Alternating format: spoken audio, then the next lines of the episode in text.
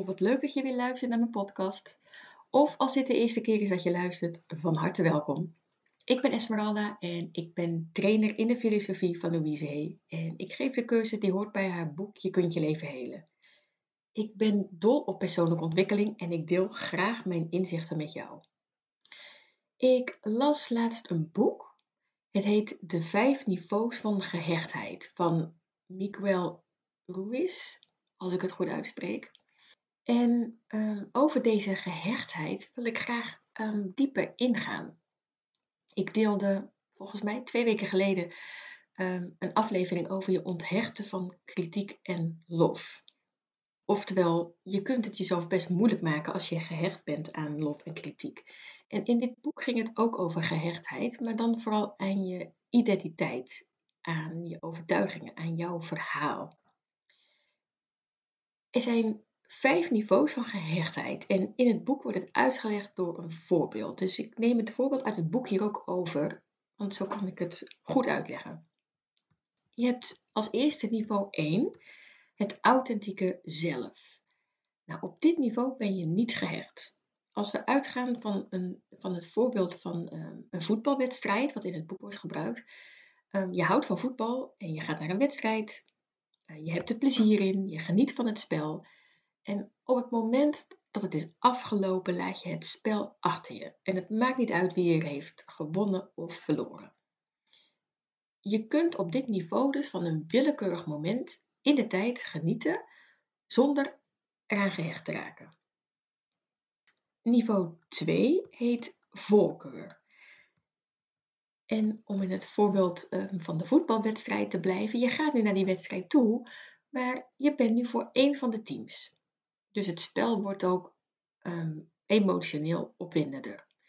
Want je volgt de wedstrijd met voorkeur voor één team. En na de wedstrijd um, laat je die achter je en je gaat door met je leven. Je hebt een verhaal gecreëerd rondom deze ervaring. Je ervaarde het winnen of verliezen, maar je weet ook dat dat niks met jou persoonlijk te maken heeft.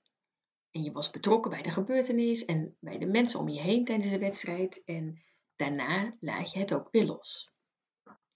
Niveau 3 is het niveau van identiteit. En op dit niveau ben je echt fan van een bepaald team.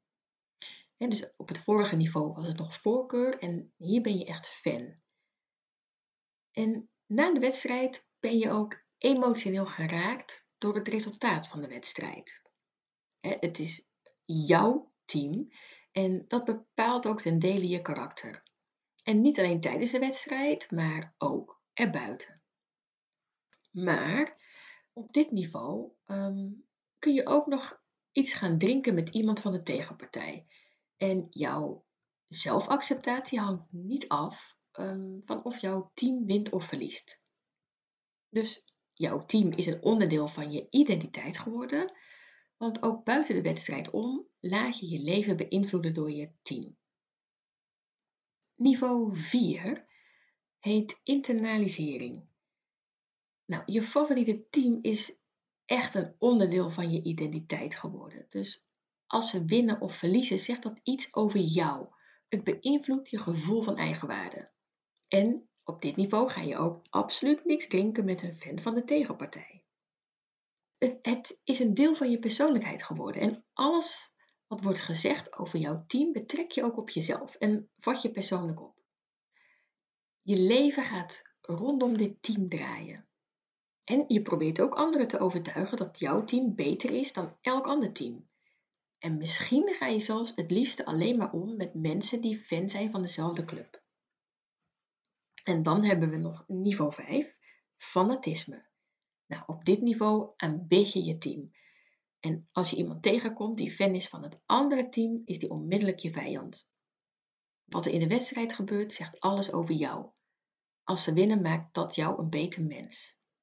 En alles wat je doet, elke beslissing die je neemt, valt binnen de regels die iemand volgens jou tot een echte fan maken. En je kiest ervoor om niet met mensen om te gaan die niks met voetbal hebben. Nou, op niveau 1 ben je dus vrij om te kiezen. Je bent in staat tot onvoorwaardelijke liefde, doordat je niet aan allerlei voorwaarden moet voldoen om jezelf te ehm, aanvaarden en te accepteren. Dus je bent je bewust van je authentieke zelf. En nou, in het boek wordt daarover gesproken, authentieke zelf. Nou, ehm, ik denk dat je het ook kan noemen je ziel of je hogere zelf, je echte jij, uh, je ware ik. En op niveau 2 ben je je nog steeds bewust van je authentieke zelf. Ehm, je kunt je dus ergens aan hechten, maar je bent ook in staat om, het, om die gehechtheid weer los te laten als het moment voorbij is. Dus je weet dat je kunt kiezen waar jij je aandacht op wil richten en welke actie je wilt ondernemen. Bijvoorbeeld, je kiest ervoor om op een bepaalde manier uh, te leven of te eten. Maar je bent hier niet heel strikt in. Um, stel je wil iedere dag wandelen, dan is het niet erg als je dat een keertje niet doet. Je kunt makkelijk een rol aannemen, uh, oftewel een identiteit, en deze ook loslaten als het niet meer nodig is. En op niveau 3 neem je een identiteit aan en vergeet je dat het een masker is. En dat die identiteit niks zegt over jouw authentieke zelf. En die identiteit kan gebaseerd zijn op je nationaliteit, ik ben Nederlander, eh, je religie, eh, je werk, nou, ik ben diëtist bijvoorbeeld, of de sportclub waar je bij hoort. Ehm, ik ben een, een hardloper. Ehm, het geeft je het gevoel erbij te horen. Dus het is wel interessant om over na te denken welke identiteiten heb jij aangenomen? Oftewel, welke rollen? En op dit niveau um, verwar je deze met wie je werkelijk bent. Maar je verlangt niet van de mensen om je heen dat ze dezelfde identiteit hebben hè, op dit niveau. Um, zo ben ik bijvoorbeeld vegetariër, dus dat is mijn identiteit. En ik zou me schuldig voelen als ik vlees zou eten, maar het zou geen drama zijn. Ik zou niet van wakker liggen en, en, en me echt enorm schuldig voelen. Um, en ik verlang ook niet van mijn gezin dat ze ook vegetariër zijn. Dus dat hoort op dit niveau. En die identiteiten die je hebt aangenomen, ik moet opeens denken aan mijn NLP-opleiding. Ehm, toen hebben we ook echt een hele lijst gemaakt met alle rollen die we hadden, die we aannamen.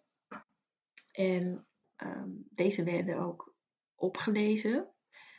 En aan het einde werd er gezegd van, ja weet je, jij bent niet die rollen, dat ben jij allemaal niet. Dus wie ben jij dan wel?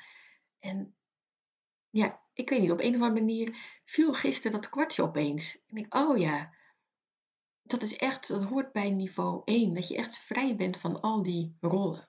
Echt je authentieke zelf. Die heeft geen rollen. Nou, oké, niveau 4. De mate van um, acceptatie van jezelf en van de ander hangt af van de identiteit die je aan hebt genomen. Dus voorwaardelijke liefde. Dus ik zou als vegetariër dan zeer strikt leven en mezelf nauwelijks kunnen vergeven als ik vlees zou eten. En ik zou het liefst omgaan met andere vegetariërs. En ik zou anderen willen bekeren.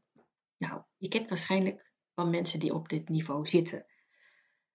Nou, maar goed, hier heb ik gelukkig geen last van dat ik andere mensen wil bekeren om vegetariër te worden.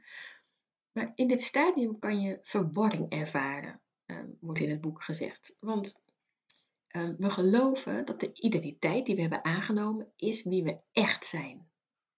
Dus je bent uh, vergeten wie jij werkelijk bent, jouw ware ik.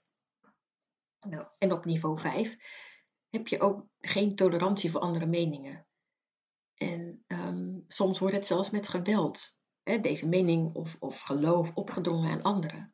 Dus het is een extreme vorm van voorwaardelijke liefde voor anderen en ook voor jezelf. En op dit niveau is er maar weinig respect voor anderen. Nou, je schommelt heen en weer tussen verschillende niveaus van gehechtheid.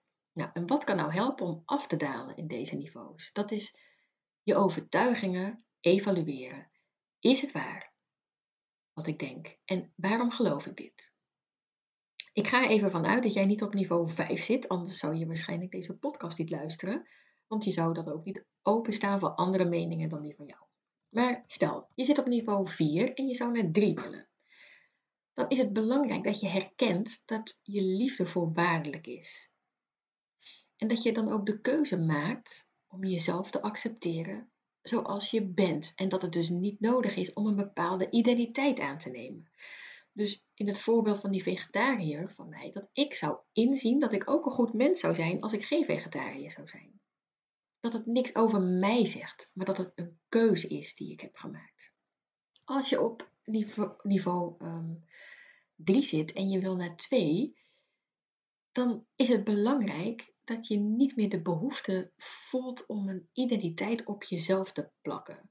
En dat je begrijpt dat jij niet je masker bent.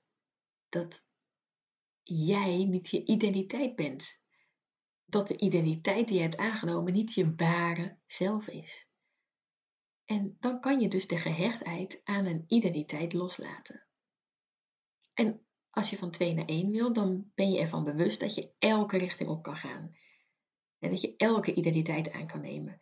En je bent je altijd bewust van je ware zelf. Nou, wat kan je hier nou mee? Je kunt eens nadenken welk niveau van gehechtheid je hebt um, aan een bepaalde overtuiging of identiteit. Dus wat zeg je over jezelf? Welke rollen neem je aan? Welke masker zet je op? En hoe gehecht ben je hieraan?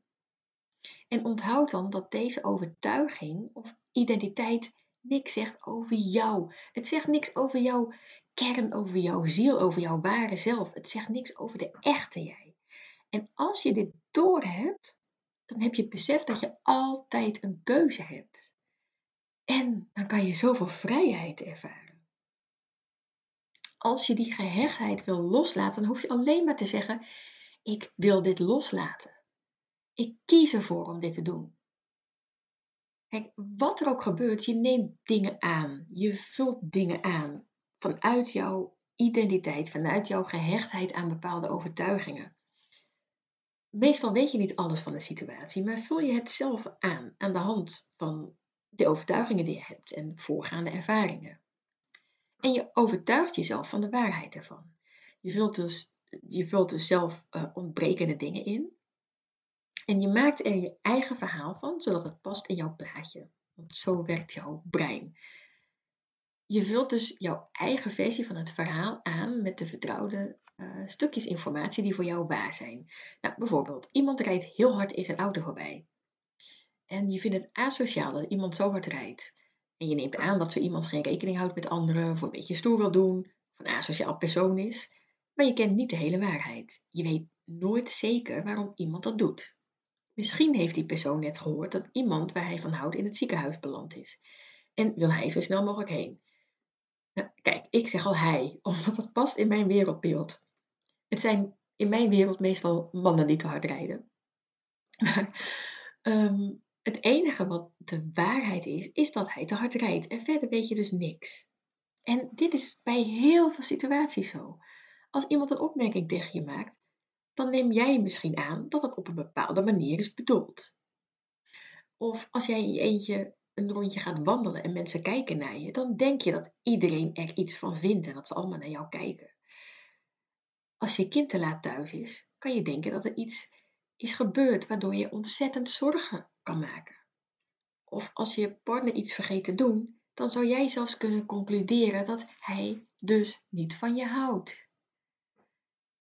Dat je gelooft in iets wat je aanneemt is een keuze. Maar dan moet je je er wel bewust van zijn dat het een keuze is. Als je er bewust van bent dat je die aannames en je veronderstellingen, dat het niet per se de waarheid is, maar een mogelijkheid, dan kan je die makkelijk loslaten. En ook ruzie bijvoorbeeld is ook vaak gebaseerd op het vasthouden van je eigen overtuigingen. Dan ben je ook gehecht aan je eigen overtuigingen. En pas door je open te stellen voor de mening van een ander kan je hier iets in veranderen. Hoe meer zelfliefde, hoe minder je de behoefte hebt om jouw overtuigingen te verdedigen tegen anderen. En dan vat je wat er wordt gezegd niet zo persoonlijk op. dan kan je het naast je neerleggen en dan zegt het niks over jou. Al met al, interessant om eens te onderzoeken op welk niveau jij je regelmatig bevindt en of je af en toe een niveau kan afdalen. Want dat geeft rust en vrijheid en ruimte. En daar is onvoorwaardelijke liefde voor anderen en ook voor jezelf. Nou, als je dit interessant vond, deel deze aflevering met anderen. En als je luistert via ehm, de Apple Podcast, laat dan een review achter, want dan word ik weer beter gevonden door anderen. En dan kan ik weer meer mensen bereiken en helpen ehm, om meer liefde voor zichzelf te laten voelen, want dat is mijn missie. En dan maken we samen de wereld weer een stukje mooier. Dankjewel voor het luisteren en een hele fijne dag gewenst. Doei!